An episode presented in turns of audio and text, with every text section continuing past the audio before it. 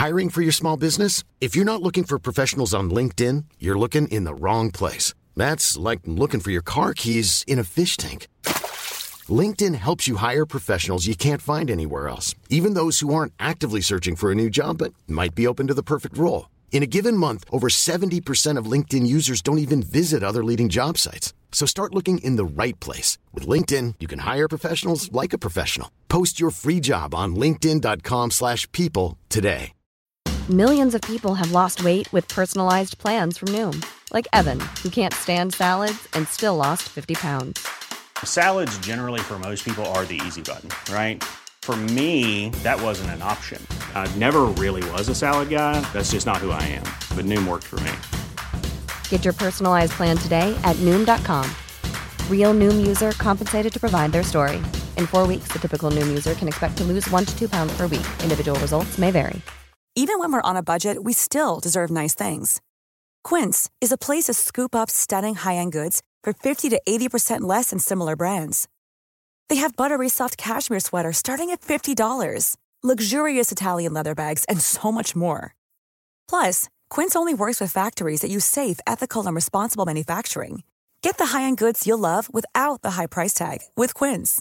Go to quince.com/style for free shipping and 365-day returns.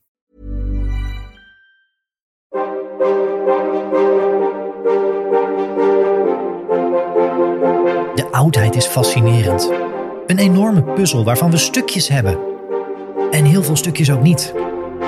Al op de basisschool trokken de verhalen over het oude Egypte, de Romeinen, Griekse mythen, het oude China en het onderzoek naar al die oude culturen en mensen me als een magneet naar zich toe.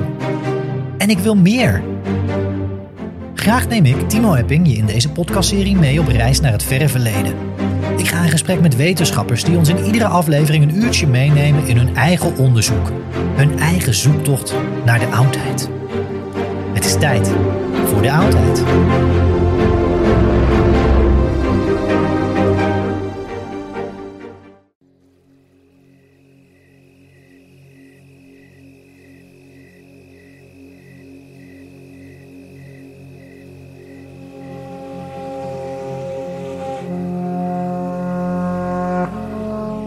Welkom bij de derde aflevering van de serie Onder de Zon van Amarna, waarin Egyptoloog Huub Pracht ons wederom mee gaat nemen naar Achet-Aton, ofwel Tel El Amarna. In de eerste twee afleveringen sprak Huub ons bij over koningin Thea en over de Aton-revolutie, over farao Achnaton en zijn vrouw Nefertiti. In deze derde aflevering duiken we in een mysterie, Semenchkara. Huub, waarom gaat deze aflevering over deze persoon? Nou, binnen de aandacht uh, die men heeft voor de Amarna-periode, is eigenlijk de figuur, de historische figuur, Semerkara, een van de meest raadselachtige. En er zijn zo ongelooflijk veel verschillende meningen over deze persoon die geleefd heeft. Wie is hij nou eigenlijk? Of wie is zij eventueel? Um, dat ik denk van nou, hier moeten we wat dieper op ingaan. Ja, en dat gaan we ook doen, wat mij betreft, deze aflevering. En ja, kun je nou ook zeggen, uh, je zei het al, een mysterie, hier zijn zoveel theorieën over. Dat hangt toch ook vaak voor veel mensen wel samen met het oude Egypte. Mysterie, mm -hmm. ja, grote vragen, uh, heel veel onduidelijkheid, heel veel controverse. Ja, dat hangt ook echt wel rond deze persoon. Is het daarom ook echt voor heel veel wetenschappers ook zo'n magneet om, om hier op te duiken qua onderzoek? Ja, dat denk ik wel. Um, deze figuur Semerkara, ja, daar hebben we enkele bronnen van, hè, de geschreven bronnen die de naam uh, bevestigen. Maar wie die persoon nou precies is geweest, um, dat weten we eigenlijk niet helemaal. En dan zie je dat heel veel uh, Egyptologen, heel veel uh, historici zich daar inderdaad op gaan richten. Om te kijken, kunnen we misschien een en ander aan elkaar knopen? Kunnen we um, misschien uh, daar toch conclusies uit trekken uit, uit voorgaande uh, onderzoeken? Um, maar wat je dan ziet gebeuren is dat uh, het resultaat van al dat onderzoek leidt tot heel veel diversiteit, heel veel verschillende meningen over wie Semerkara nou geweest is. In ieder geval is wel zeker dat het een farao was die korte tijd over Egypte geregeerd heeft. En iedereen plaatst deze farao wel direct na de regeringsperiode van Akhenaton. Ja, en eventjes uh, om het beeld helemaal helder te krijgen... over welke periode in de tijd hebben we het dan ongeveer? Nou ja, we zitten dus aan het eind van die Amarna-periode. Laten we zeggen de jaren 30 van die 14e eeuw voor Christus.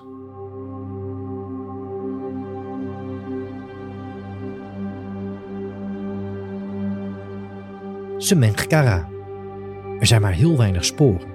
Bronnen die ons informatie geven over deze koning uit die 18e dynastie. Het is wederom een heel lastige puzzel. Maar Huub, zou je kunnen schetsen wat er nou precies gebeurde aan het einde van die Amarna-periode? Het moment waarop Semenchkara ineens opduikt.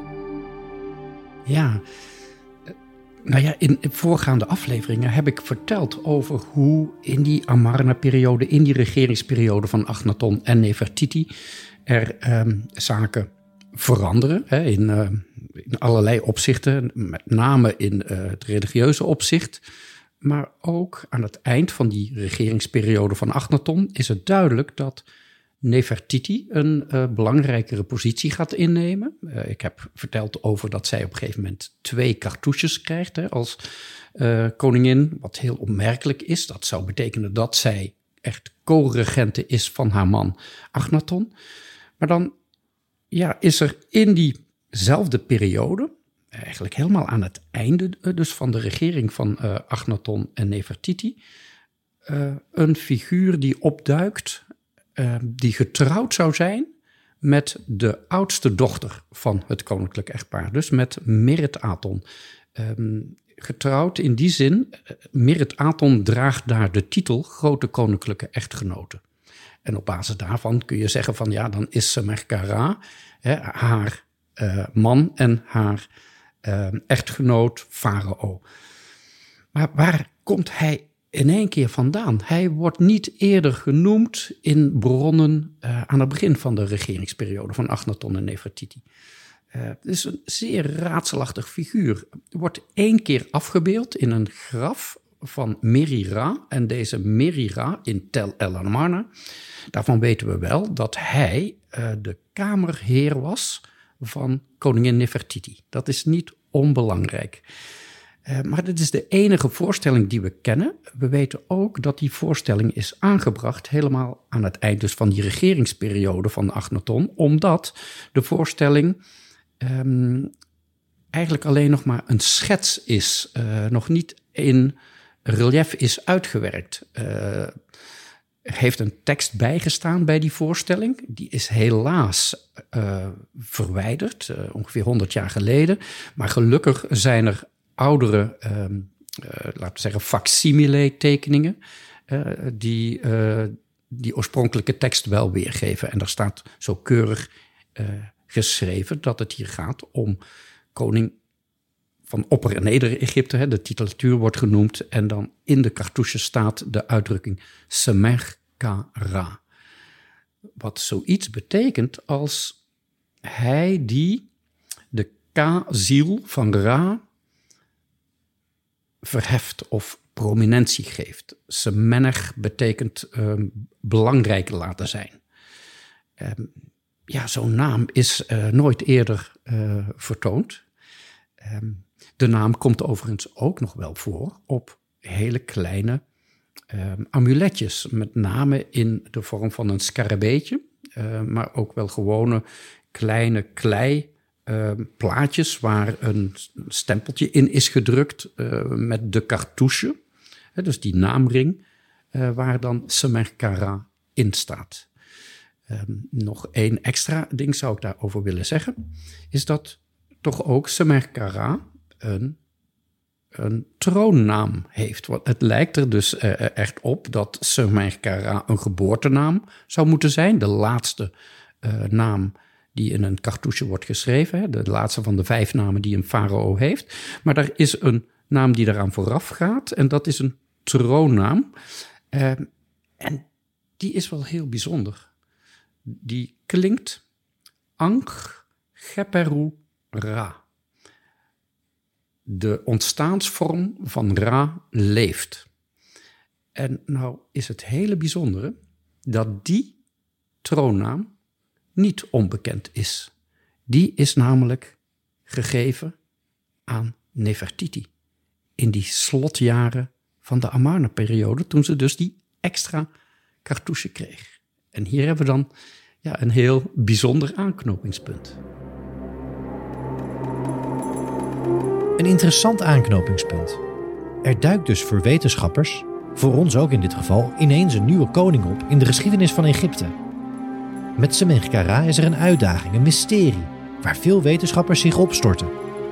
Er waren en zijn nog altijd veel theorieën, hypotheses over wie Semenchkara was. Huub, zou je ons mee kunnen nemen in enkele van die theorieën?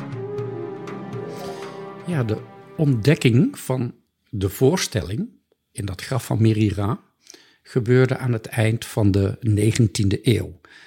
En ja, in die tijd kon men natuurlijk wel het hieroglyphenschrift lezen en de naam van Semerkara lezen, vergezeld door een grote koninklijke echtgenote. Dus er was geen enkele twijfel over of het hier zou gaan om een mannelijke farao. Wie is dat dan? Wie is het? Ja, gehuwd met de dochter van Achnaton en Nefertiti. Ja, dan moet dat toch wel ja, iemand uit de koninklijke familie zijn. Wellicht een broer van Achnaton. Maar ja, we weten, hij had een oudere broer, Toetmozes, waar eerder over gesproken is. Maar in geen enkele bron wordt daar iets over gezegd over een zekere Semerkara. Zou het dan nog weer iemand anders kunnen zijn? Misschien zelfs een zoon van Achnaton en Nefertiti, maar daar is ook nooit sprake van. Uh, misschien uh, men weet het gewoon niet. Maar dat het om een man zou gaan, dat is eigenlijk altijd wel zo um, gedacht. Dat werd nog een keer extra bevestigd toen in 1907 een graf werd ontdekt in het Dal der Koningen, KV 55, waar ik eerder over sprak, hè, waar al die um, mummies naartoe zijn gebracht, maar ook grafinventarissen naartoe is gebracht vanuit Tel El Amarna. Een herbegraving heeft plaatsgevonden. En men heeft in dat graf KV55 een mummie van, een zeer zwaar beschadigde mummie overigens, van een man ontdekt. Waarvan men toen zei van, ja maar wacht eens even, dat zou dan wel eens Semerkara kunnen zijn. En het punt is zelfs dat men daar zo ver in door is gegaan dat men bij het graf KV55 een bordje buiten heeft geplaatst. Tot eh, een paar jaar geleden zag je dat nog, eh, waarop stond KW55 Semerkara, weliswaar met een vraagtekentje erachter. Uh, ja, heel veel mensen die dachten van, ja, dat kan bijna niet anders. Uh, het is een farao die geregeerd heeft. Uh, hij is niet in Tel El Amarna begraven, althans geen enkel graf waar zijn naam in voorkomt, buiten dan van die privépersoon Merira. Um, dus ja, een mannelijke mummie in uh, eh, KV55, terwijl we daar toch ook andere objecten aantreffen uit uh, Tel El Amarna, namelijk eh, de, uh, de schrijn rondom de sarcofaag van Thea is daar teruggevonden. Er zijn kanopenkruiken teruggevonden van Kia. Met andere woorden, heel lang heeft men dat idee gekoesterd dat er een mannelijke farao is geweest waarvan ja, de een zegt het moet wel de zoon zijn van Amenhotep III. Weer een ander zegt nee, het is een kind van Achnaton, maar bij wie verwekt uh, onduidelijk. Um, tot in de jaren 90, begin jaren 90, um, ehm, de Brit Nicholas Reeves met een spraakmakende nieuwe theorie op de proppen kwam. Nicholas Reeves zegt: Ja, we zeggen nou wel altijd dat het hier gaat om een man, maar het zou net zo goed om een vrouw kunnen gaan. En dat was iets wat uh, ja, door velen eigenlijk onmiddellijk werd weggewimpeld. Want dat kan niet. Hè. De naam Semenchkara is een in principe mannelijke naam. Semench is een werkwoordelijk een, een, mannelijke vorm. Dus je zou moeten vertalen hij die de kaasiel van Ra prominentie geeft. Maar het punt is dat die troonnaam waar ik over sprak, hè, die Anggeperura naam, ook gegeven is aan Nefertiti. Toen zij samen met haar man nog de laatste jaren uh, samen regeerde. En er zijn ook ja, van die kleine amuletjes teruggevonden, waarbij zelfs ook de vrouwelijke vorm van die troonnaam uh, geschreven wordt. Namelijk Anget Geperura. Dus de letter T wordt toegevoegd, wat een kenmerk is voor vrouwelijke werkwoordelijke uitgang. Um, en dat maakt dat Nicholas Reeves het idee heeft gelanceerd van ja, maar wacht even. Het gaat hier niet om een man, maar om een vrouw. En dan is ineens ook Nefertiti een mogelijke kandidaat.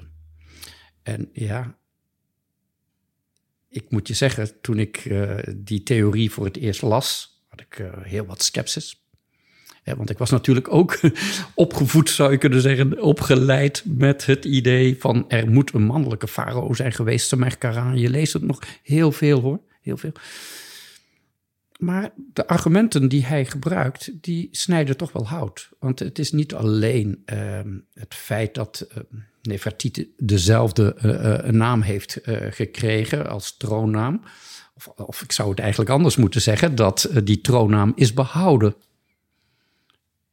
wanneer Nefertiti haar geboortenaam, Nefer, Neferu Aton heeft hij eigenlijk geklonken, comma Nefertiti, wanneer dat geheel uh, verandert in Semerkara. Met Nicholas Reeves kwam dus de theorie dat Semerkara Nefertiti was. Of andersom. Een vrouw dus. Maar dan hebben we het specifiek over de persoon Semerkara. De naam, en niet over de persoon in graf KV55, waar Huub in de eerste aflevering al uitgebreid over sprak. Toch? Ja, ja daar, daar, moet ik wel over uh, uh, zeggen. Um, het onderzoek aan die stoffelijke resten, zou ik willen zeggen, want het is geen complete mummie.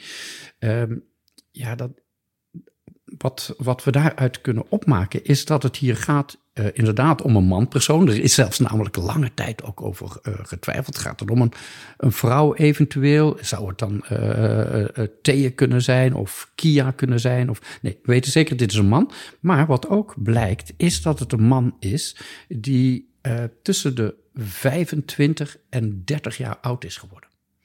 En daarvan zei iedereen van ja, maar kijk, dan kan het dus Agnaton niet zijn. Want ja, die had zes dochters. Hij was gehuwd met Nefertiti. Hij heeft 17 jaar geregeerd. Dus dat kan niet. Dus dan moet het wel die wat jongere koning Semerkara zijn. Maar ik ben er uh, van overtuigd dat uh, Agnaton, zowel als ook Nefertiti, al heel jong in het huwelijk zijn getreden. Al heel jong ook kinderen kregen. Dat is helemaal niet ongebruikelijk in de oud-Egyptische uh, beschaving. Uh, ja, sloot men al huwelijken wanneer men 12 of 13 jaar oud was. En werd een vrouw zwanger op die leeftijd. Met andere woorden, als je uitgaat van ongeveer 12 of 13 jaar dat hij op de troon komt, want het is wel zeker dat Agnaton en Nefertiti in het eerste regeringsjaar al een kind hebben, namelijk Merit Aton nou ja, eerder gezegd, Achnaton regeert 17 jaar, dus tel het bij elkaar op. 12 plus 17, je komt op 29 jaar, misschien net 30 jaar dat hij overlijdt. Dus ik denk echt oprecht dat de mummie, of de stoffelijke resten uit KV55, dat dat om Achnaton gaat. Duidelijk. We gaan nu voort op de genoemde theorie van Nicholas Reeves, waar Huub dus oorspronkelijk met enige sceptisch tegenaan keek. De zogeheten Semenchkara als Nefertiti-theorie. Daarvoor zullen we eerst in het leven van Nefertiti moeten duiken, haar beter leren kennen, om deze theorie ook beter te kunnen begrijpen.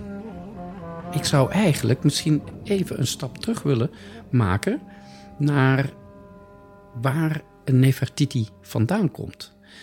Ook een grote vraag. Ja, nou, ik heb eigenlijk al een beetje een tip van de sluier opgelicht door uh, ook vooral het verhaal te vertellen over Thea, de schoonmoeder van Nefertiti, die vergoddelijkt werd. En ook Nefertiti wordt vergoddelijkt, draagt in ieder geval dezelfde godinnenkroon op haar hoofd, hè, vaak met verenkroon op haar hoofd. En ik heb wel eerder uh, gesuggereerd, ja, ook Nefertiti, uh, wiens naam letterlijk betekent de mooie is gekomen, dat zij van buitenlandse komaf is.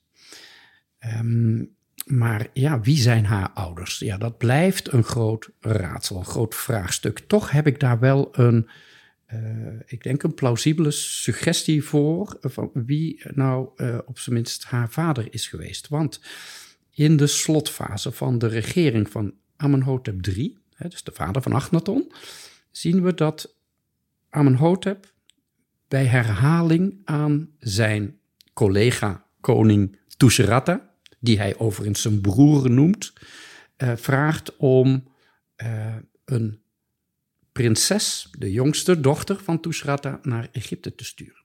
Blijkbaar is er een gezant geweest uit Egypte die haar gezien heeft en uh, haar als buitengewoon mooi heeft beschreven.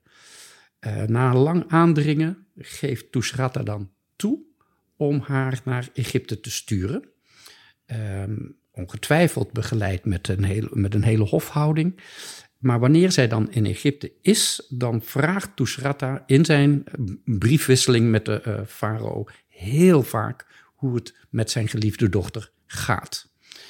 Um, maar zij heet in Mitanni Tadu Gepa. Daar horen we het woordje Gepa in wat uh, de zonnegod, zonnegodin was in Mitanni. En Tadu betekent geliefd. Zij die geliefd is door de zonnegod.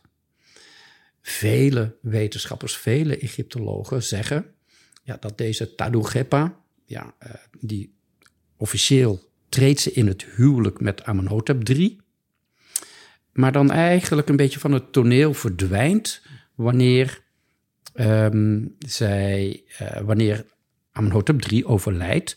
Sommigen zeggen van ja, um, dat zou wel eens uh, Kia kunnen zijn. Hè, de, de andere, want Kia betekent in het Egyptisch de andere.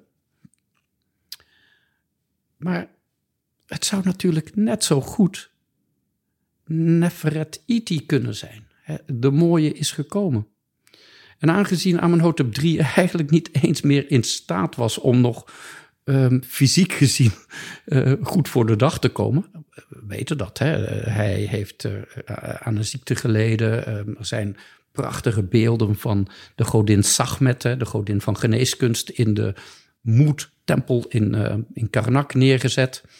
Um, er is zelfs ook een beeld van Astarte van, vanuit Mitanni naar Egypte toegestuurd met de bedoeling dat Amenhotep III zou genezen. Dus ja, hij, zal niet echt een, um, een echtgenoot zijn geweest voor de, uh, de prinses Tadugepa in de zin van een, uh, een huwelijk waarbij ook gemeenschap is. Dus ik kan me zo voorstellen dat juist de co-regent Amenhotep IV zijn oog op haar laat vallen. En dat er al onmiddellijk een, ja, een, een, huwelijk ontstaat. En, en dus ook een kind geboren wordt. Dat nota bene Merit Aton wordt genoemd. En wat betekent Merit Aton? Geliefd door de zonnegod Aton. Eigenlijk dezelfde naam als Tadu Gepa, maar dan in het Egyptisch. Uh, maar goed, uh, Nefertiti noemde ik uh, haar, maar eigenlijk is haar naam Nefer Neferu Aton. Je zou kunnen zeggen Nefertiti is een epitheton, een toevoeging bij haar eigenlijke naam, die je met heel veel Nefer-tekentjes schrijft. Nefer Neferu Aton schrijf je met vier Nefer-tekentjes komt er dan nog het woordje Neferet Iti achter, dan zie je een vijfde Nefer-tekentje. En die zie je dan zo mooi in een cartouche verwerkt. Maar Nefer Neferu Aton is ook de naam die zij blijft hanteren, ook aan het eind van de regeringsperiode van Achnaton. Dus uh, aan het eind van die Amarna-periode. Ik zei eerder, in het veertiende regeringsjaar krijgt ze een extra troonnaam, maar haar geboortenaam, officieel noemen we dat zo, hè? haar geboortenaam blijft Nefer Aton, hoewel dat epitheton van Neferetiti niet meer genoemd wordt. Wat je wel heel vaak ziet is een epitheton als zij die nuttig is voor haar echtgenoot. Dat staat er dan bij, of geliefd door haar echtgenoot. En tegelijkertijd krijgt ze dan dus die uh, troonnaam Anggeperura, soms gespeld Anget Geperura. Um, dus met dit alles in het achterhoofd, dat zij een prinses was, een, een, een koningsdochter, vergoddelijkt, uh, aanvankelijk in Aton, uh, samen met haar echtgenoot, voortdurend uitgebeeld, uh, de, de, de, de cultus voor de Aton zonneschijf in stand houdend. Hè. Ik heb eerder gezegd, um, en dat geldt dan ook voor Nefertiti, die hebben die stad nooit verlaten. Zij moesten met z'n tweeën er zorg voor dragen dat alles in harmonie zou verlopen. Ze krijgen kinderen. Maar ja, wat ook een heel opmerkelijk gegeven is, is dat wanneer Neferneferu Aton, dus Nefertiti, die troonnaam krijgt vanaf dat veertiende regeringsjaar, zij ook als farao een grote koninklijke echtgenote nodig heeft. Dit klinkt heel gek. Hè? Ze is vrouw en dan grote koninklijke echtgenote, maar zo betaamt dat nou eenmaal. Zo gaat dat nou eenmaal. Denk ook aan um, Hatshepsut bijvoorbeeld, hè, die ook um, als vorstin regeert en allerlei ja, in voorstellingen vaak zich mannelijk uitbeeldt. Um, niet dat ze zich uh, echt helemaal voordoet als een man, maar het hoort nou eenmaal zo dat bepaalde gebruiken ja, zo instelt dat je als een soort mannelijke farao over Egypte regeert. Dus Neferneferu Aton heeft een grote koninklijke echtgenote naast haar. En wie is dat dan?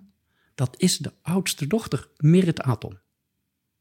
Die overigens ook op dat moment, ook voor haar vader, grote koninklijk echtgenote is. En hoe weten we dat? Dit is heel zeker. We weten dit op basis van een tekst die te lezen valt op een houten kistje, een kledingskistje, dat in het graf van Tutankhamon is aangetroffen. Het maakt het wat ingewikkeld, maar hè, zoals we weten, Tutankhamon regeert later. En in zijn graf is blijkbaar een hergebruikt kistje aangetroffen waarop we maar liefst vijf cartouches aantreffen. Namelijk de eerste twee zijn voor Agnaton. De eerste naam klinkt Nefergeperura Wa en Ra. Dan staat er in een cartouche Ag en Iten, dus Agnaton. En dan vervolgens krijgen we de naam van Anggeperura als troonnaam en Nefer Neferu Aton als geboortenaam. Dus de twee uh, koningen worden genoemd. Man en vrouw worden genoemd. En dan staat daar zo mooi onder. De, en hun grote koninklijke echtgenote is Merit Aton. En haar naam wordt in een cartouche geschreven. Nou is daar heel veel discussie over. Ja, ja, uh, dat zij als grote koninklijke echtgenote genoemd wordt, ja, dat slaat eigenlijk op Agnaton. Nee, ik ben er echt van overtuigd dat het slaat op haar beide ouders. wat zien we dan gebeuren als we weer teruggaan naar Aton, naar dat graf van Mirira?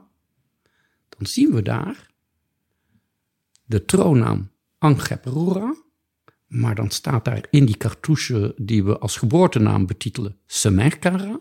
Maar daar staat dus weer naast grote koninklijke echtgenote Merit Aton.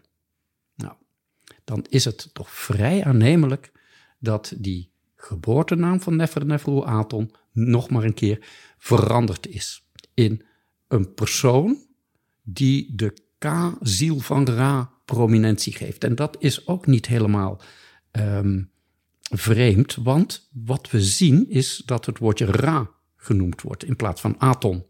Al bij die troonnaam werd Ra genoemd, hè? Angheperu Ra. en niet meer Aton. Dat er dus een verschuiving ook in de religie waarneembaar is. Uh, dat atonisme zou je kunnen zeggen.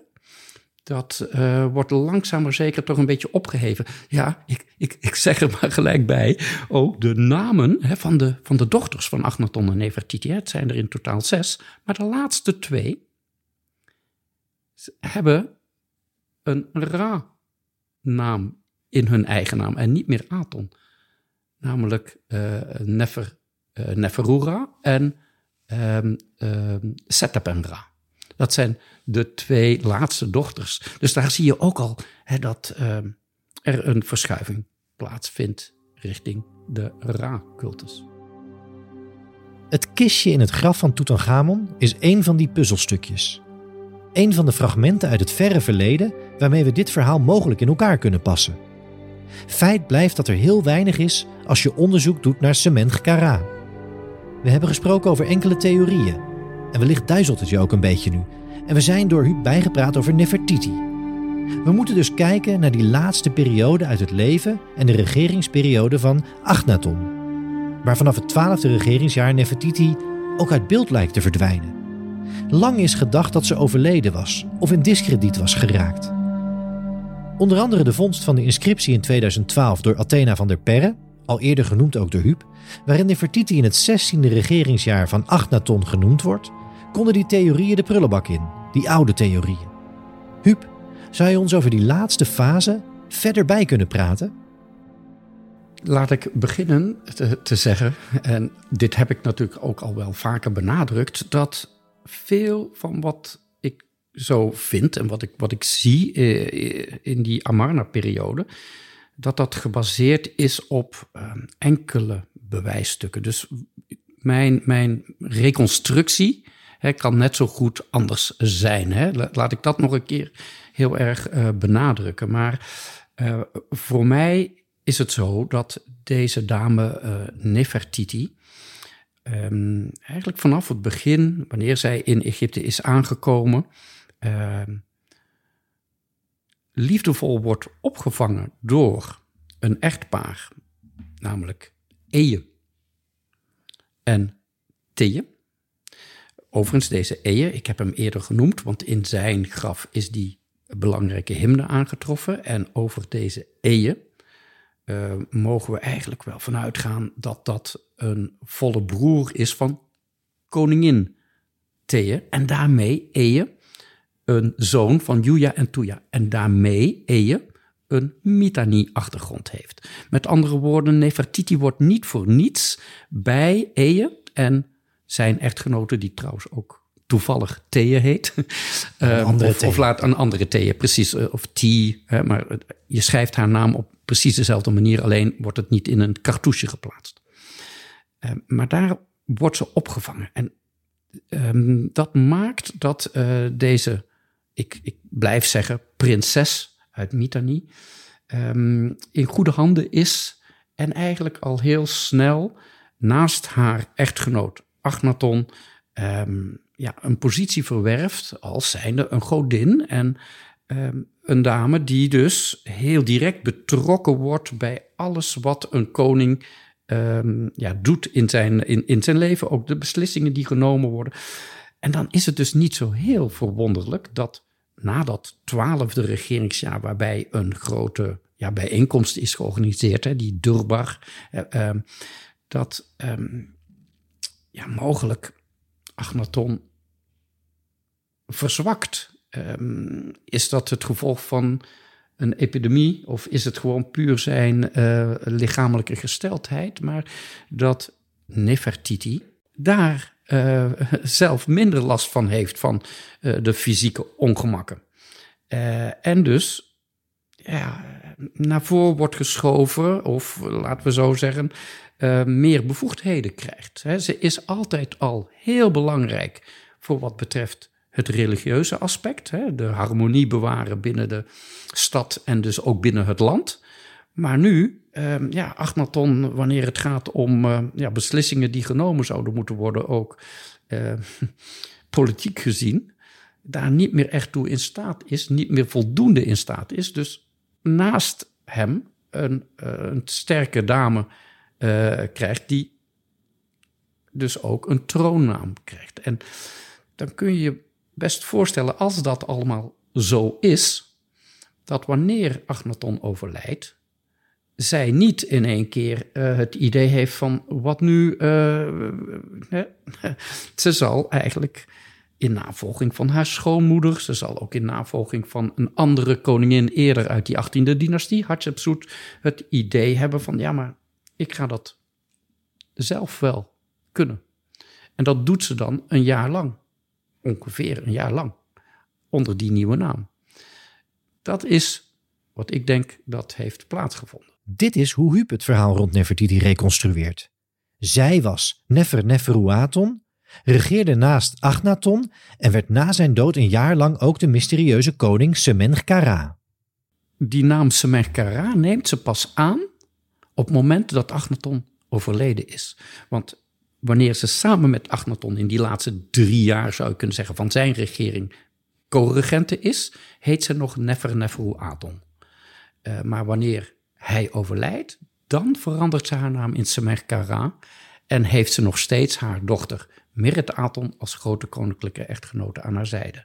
En hoe zij dan als Semerkara overlijdt, dat is volstrekt onduidelijk. Maar zoals al eerder aangegeven, het duizelt ons inmiddels van de theorieën. En ook hier zijn heel veel varianten en is er weer veel discussie. In een notendop. Semechkara zou iemand anders zijn en niet zoals Huub aangeeft Nefertiti. Het zou een man zijn. Of toch een vrouw, maar dan Meritaton, de oudste dochter dus. En zo zijn er nog wel meer theorieën. Maar ook het plaatsen van Nefer Neferuaton en Semechkara in de tijd is een puzzel op zich. Geopperd is ook dat Semechkara alleen als co-regent een jaar naast Achnaton koning was. En dat Nefer Neferuaton pas later regeerde. Semechkara zou twee of drie jaar zelfstandig geregeerd hebben. Nou ja, volgt u het nog? Feit is dat beide koningen maar heel kort regeerden en dat het bewijs, mede daarom, zeer schaars is. Huub ligt dit verder toe. Ja, weet je, um, wat, wat, net al even vertelde, hè, is dat uh, velen hebben gedacht: dit moet wel een man zijn, dit moet wel een farao zijn die. Uh, een jaar lang geregeerd heeft. Te meer omdat men steeds gedacht had dat Nefertiti al overleden was.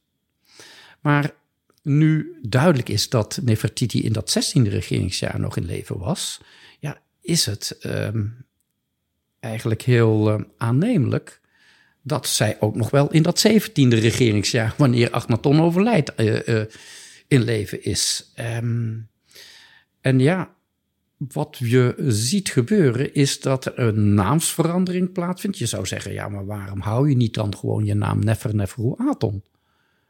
Als uh, alleenheerseres, althans met haar dochter als koninklijke echtgenote.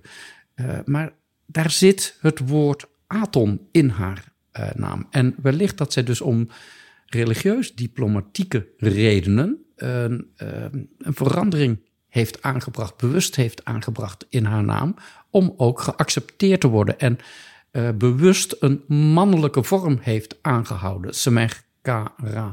En ik geef je nog even een, uh, een overpeinzing mee. Dat is dat de eerder genoemde Hatshepsut weliswaar een troonnaam had die Maat Kara klonk. Dus ja, dat lijkt er wel een beetje op. Hè? Ma'at betekent zoiets als de harmonie van de Kaziel van Ra.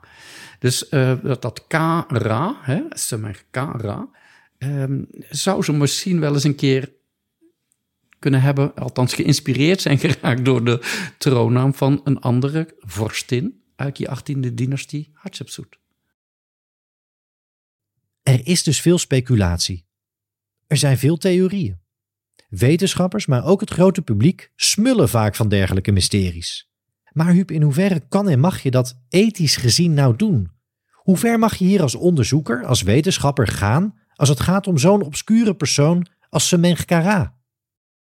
Ja, dat is een hele goede vraag. Want um, laat, laat ik het zo zeggen. Ik eh, heb eerder verteld hè, dat ik heel erg geïnteresseerd ben in de reconstructie. Maar ja, in hoeverre wordt het speculatie? Hè? Ehm, en wanneer je dat toelaat, dat speculeren, ja, dan uh, word je natuurlijk ook al gauw uh, blootgesteld aan kritiek. Of je zou kunnen zeggen, je begeeft je op glad ijs. En toch blijf ik zeggen, het is niet slecht om um, ja, buiten de kaders te denken. Hè? Om af en toe uh, um, ja, iets te bedenken.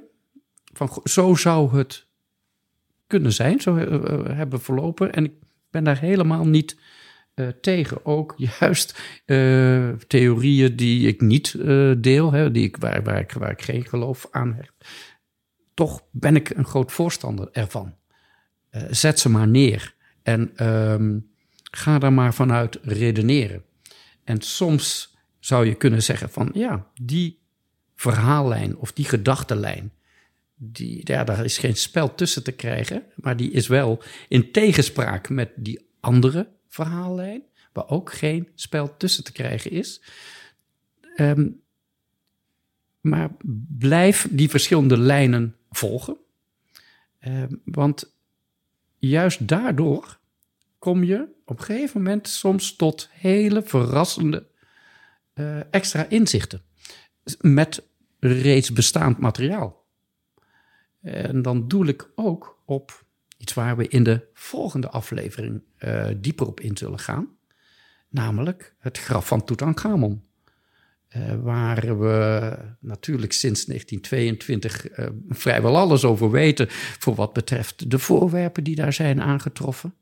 Maar toch, door nog een keer opnieuw naar voorwerpen te kijken, door het net even wat anders te interpreteren, door ook het graf onder de loep te nemen, komt men tegenwoordig tot hele verrassende uh, nieuwe inzichten. En dat, ja, dat, dus ik, ik ben daar een, een groot voorstander van om toch ondanks dat het lijkt op speculatie, om die verhalen uh, toch, uh, ja, laten we zeggen, een, een kans te geven, uh, in de wereld te zetten, zeg maar.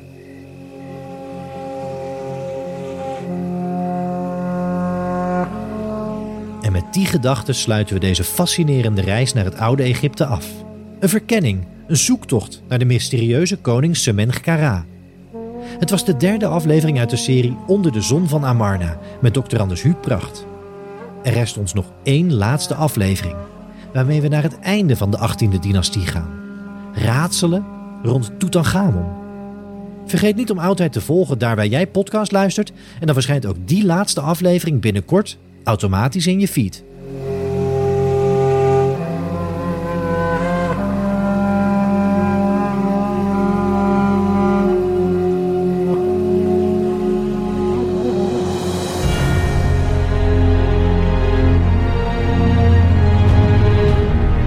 Je voor het luisteren naar De Oudheid, de podcast over het verre verleden. En wil je meer oudheid? Vergeet dan niet om de podcast te volgen daar waar jij podcast luistert. Iedere nieuwe aflevering verschijnt dan automatisch in je feed. Likes en reviews worden uiteraard gewaardeerd en vergeet vooral ook niet om de podcast met iedereen die jouw interesse deelt te delen. Heb je ideeën of suggesties voor de podcast? Mail dan naar info@eppingproductions.nl.